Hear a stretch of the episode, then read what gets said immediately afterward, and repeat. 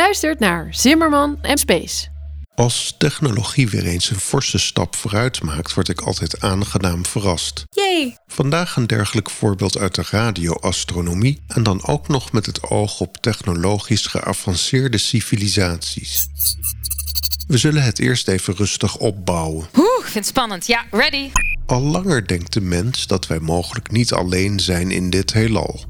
De uitdaging is om levenstekens van andere wezens te vinden in een uitgestrekt heelal waarin we niet weten waar we moeten zoeken en ook eigenlijk niet precies wat we zoeken. Ja, het is echt gênant. Om toch iets van richting aan onze nieuwsgierigheid te geven, kunnen we de zoektocht grofweg indelen in twee onderdelen. 1. Het eerste onderdeel betreft astrobiologische kenmerken, die we ook voor primitief leven kunnen verwachten. Als we ervan uitgaan dat leven elders lijkt op dat op aarde, dan zouden we mogelijk ook biochemisch bewijs daarvan kunnen vinden.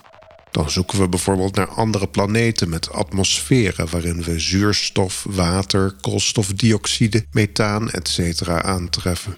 2. Het tweede onderdeel van de zoektocht is wat optimistischer en zegt dat we mogelijk niet de enige intelligente levensvorm zijn. Een levensvorm elders zou dan mogelijk ook draadloze communicatie hebben uitgevonden en zelfs bakens kunnen uitzenden om ons op de hoogte te brengen van hun aanwezigheid.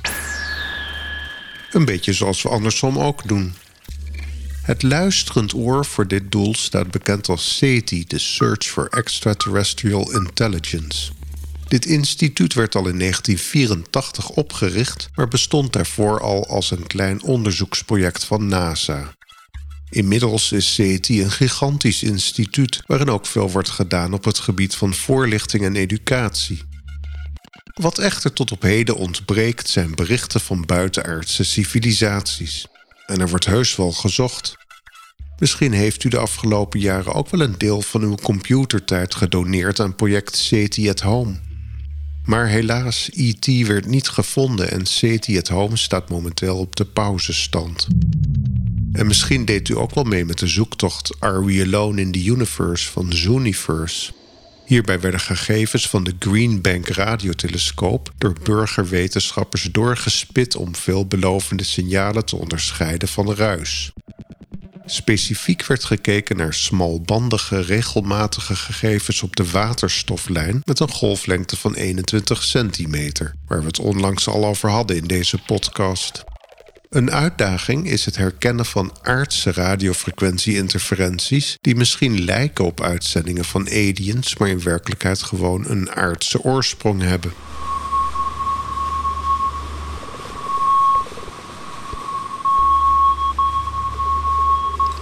Het Are We Alone in the Universe project had als tweede doel om algoritmes te verbeteren die in staat moeten zijn om automatisch onderscheid te maken tussen radio-interferenties van aardse oorsprong en potentiële uitzendingen van buitenaardse wezens.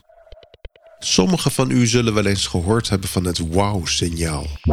Dit signaal werd op 15 augustus 1977 aangetroffen in een radioobservatie van de Big Ear radiotelescoop. Tot op heden is er geen goede verklaring gevonden voor het wow-signaal, maar ook geen herhaling. Is dit dan de magere vangst van decennia luisteren naar uitzendingen van buitenaardse oorsprong? Niet helemaal. Er was ook het BLC1-signaal in april en mei 2019. Ook dit was een afwijkend radiosignaal, in dit geval op een frequentie van 982.002 MHz.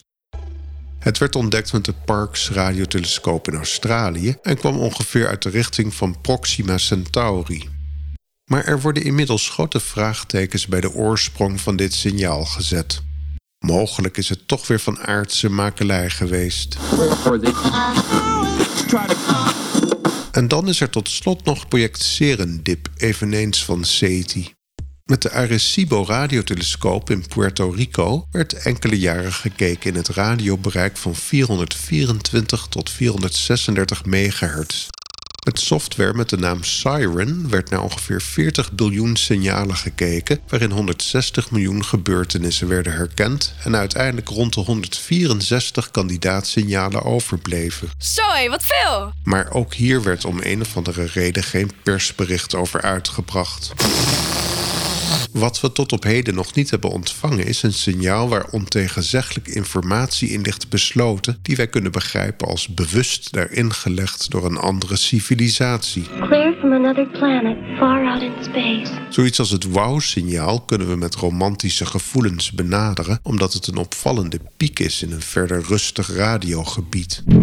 Maar meer dan een kortstondig stuk willekeurige radio-energie is het niet. De ongeïnformeerde geest zal misschien beweren dat de code 6EQUJ5 van het WOW-signaal ergens voor staat. Damn signals are damaging Earth's radio and video systems. Maar dit is alleen de aardse vertaling van radio-intensiteit naar een tamelijk arbitraire codering.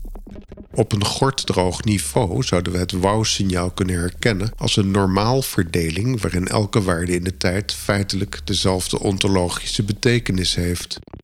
Zou een intelligente civilisatie echt haar best doen om informatie te stoppen in een signaal, dan zou het bijvoorbeeld aan de volgende verwachtingen kunnen voldoen. Hetzelfde signaal zou een paar keer achter elkaar verzonden kunnen worden. Dan zouden we als luisteraars zeker weten dat we het complete pakket één keer hebben binnengehaald. Het signaal zou op een heel specifieke dunne frequentieband kunnen worden uitgezonden. Dit om het te onderscheiden van natuurlijke signalen en ook omdat het te veel energie kost om een signaal over een brede band uit te zenden. Het signaal zou over de tijd een patroon kunnen weergeven. Dan hoeven we niet aan een mysterieuze alien versie van Morse te denken. Als we op aarde digitale informatieoverdracht doen, dan is een van de belangrijke basisvoorwaarden dat een ontvanger kan weten hoe snel het signaal over de tijd gecodeerd wordt, wanneer het begint en wanneer het eindigt. Kijk voor de lol eens naar de typische EAN 8 of EAN 13 streepjescode op een product. Doorgaans zien we die beginnen en eindigen met twee zwarte lijntjes. De barcode-scanner kan deze lijntjes herkennen en weet dan wat de afstand tussen de afzonderlijke streepjes is en wanneer de complete code gelezen is. Of wat dacht u van uw kat die als enige door de cat flap kan manoeuvreren? De dierenarts injecteert daartoe een RFID-transponder in uw huisdier. RFID staat voor radiofrequentie-identificatie. De werking van deze transponders is Europees gereguleerd en vastgelegd in ISO-standaarden 11784, 11785, 14223 en 24631. En ik vind dat echt wel heel interessant. In ISO-standaard 11784 staat vermeld wat voor sliert aan bits de chip in de nek van uw kat moet uitzenden als deze in een spoel terechtkomt. Afhankelijk van de modus waarin de chip werkt, begint dat verhaal met 8 of 11 startbits. Dit is een vast patroon waaraan de ontvanger kan herkennen dat het hier daadwerkelijk een ISO 11784-compatibele chip betreft. Na de startbits volgt een voorspelbare en eindige reeks bits die allemaal begrepen kunnen worden in de context van het complete signaal. Nu bestaat er natuurlijk geen ISO-standaard in het heelal voor informatieuitwisseling, maar aliens zouden op dit vlak wel hun best kunnen doen. Een uitzending zou bijvoorbeeld kunnen starten en stoppen met een vast aantal pulsen die ons luisteraars vertellen hoe hard een puls is ten opzichte van geen puls en hoe lang deze in de tijd duren. Tot slot zal een alien civilisatie begrijpen dat we iets van een gemeenschappelijke taal zullen moeten ontwikkelen om elkaar te begrijpen. En zo zouden bijvoorbeeld priemgetallen een functie kunnen bekleden in deze taal. Om onze kansen te vergroten een dergelijk signaal te ontvangen als het überhaupt ooit wordt uitgezonden, moeten we de radiosterrenhemel een stuk intensiever waarnemen dan we tot nu toe deden.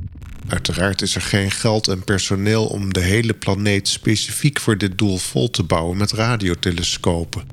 Maar sinds vorig jaar hebben we een aardig alternatief tot onze beschikking. Het heet COSMIC, wat staat voor Commensal Open Source Multimode Interferometer Cluster. Hierbij wordt gebruik gemaakt van de bestaande Carl G. Jansky Very Large Array, of VLA, in New Mexico. Hier staan 28 radiotelescoopantennes die onderling verplaatst kunnen worden. Het woord Commensal in de afkorting COSMIC zegt ons wat het grote voordeel van deze zoektocht is. Oh. COSMIC lift namelijk mee op bestaande waarnemingen. In die zin is dit instrument commensaal. Het maakt gebruik van een bestaande radio-infrastructuur zonder deze te belasten. De VLA wordt dag en nacht gebruikt voor wetenschappelijke waarnemingen en de gegevens van al deze antennes worden ook in real-time met Cosmic gedeeld. Dit houdt in dat de wetenschappers van SETI hun eigen berekeningen los kunnen laten op wat wordt waargenomen zonder de andere radiosterrenkundigen te hinderen. Cosmic werkt aan de ontvangstkant grotendeels autonoom. De gegevens van de VLA-antennes komen in hun rauwe vorm binnen en worden met digitale signaalverwerkingsalgoritmes opgedeeld in losse series met een bandbreedte tussen de 1 Hz en de 1 MHz.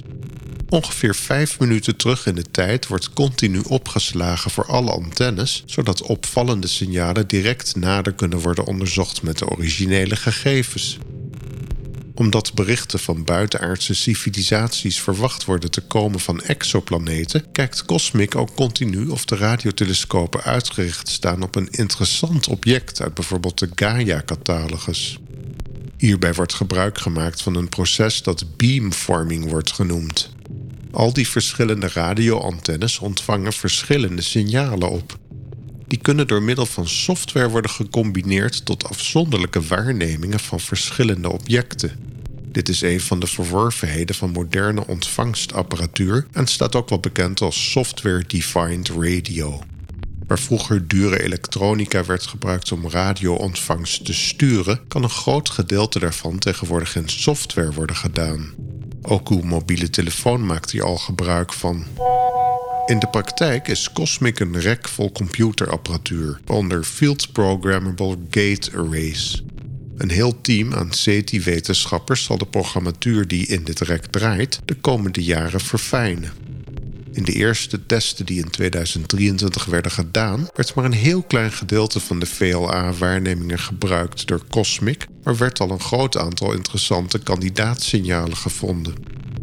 Het grote doel is natuurlijk om de complete dataset continu door te spitten met kunstmatige intelligentie om zodoende een veel grotere kans te krijgen op de ontvangst van een bericht van onze buitenaardse buren. Volgens wetenschapper Chinoa Tremblay van SETI is de apparatuur inmiddels zo goed geworden dat we misschien ook berichten kunnen ontvangen die helemaal niet voor ons bedoeld waren. U kunt dan denken aan communicatie tussen ruimtevaartuigen en andere civilisaties. Een bijzonder doel waar Cosmic zich op richt is signalen die in frequentie over de tijd wat afbuigen.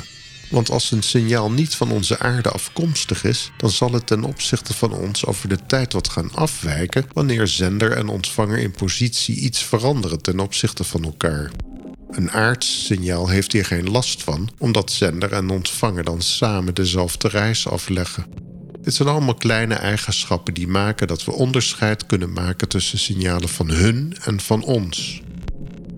Mocht project Cosmic succesvol blijken te zijn, dan zijn er nog veel meer radiotelescopen op aarde waar op een soortgelijke wijze gebruik van kan worden gemaakt. En hoe u het ook wendt of keert, het is een uiterst kosteneffectieve methode van het bedrijven van radiosterrenkunde. Cosmic is fysiek niet meer dan een aantal kasten met apparatuur. In vergelijking met de bouw en bediening van radiotelescopen zelf kost zoiets maar een fractie. En de open source basis van de programmatuur die wordt gebruikt, maakt dat het relatief eenvoudig zal zijn om meerdere cosmic-achtige projecten te realiseren. Persoonlijk wacht ik al een paar decennia op het bericht dat buitenaardse technologisch geavanceerde civilisaties daadwerkelijk bestaan, dus ik ben wel enthousiast over dit project Cosmic. Wilt u er graag nog wat meer over lezen of horen, dan vindt u in de show notes van deze aflevering een link naar een gesprek van een uur tussen Molly Bentley, Genoa Tremblay en Mark Ruzindana op YouTube. Een technisch artikel over de implementatie van Cosmic vindt u als PDF eveneens in de show notes. Tot de volgende keer.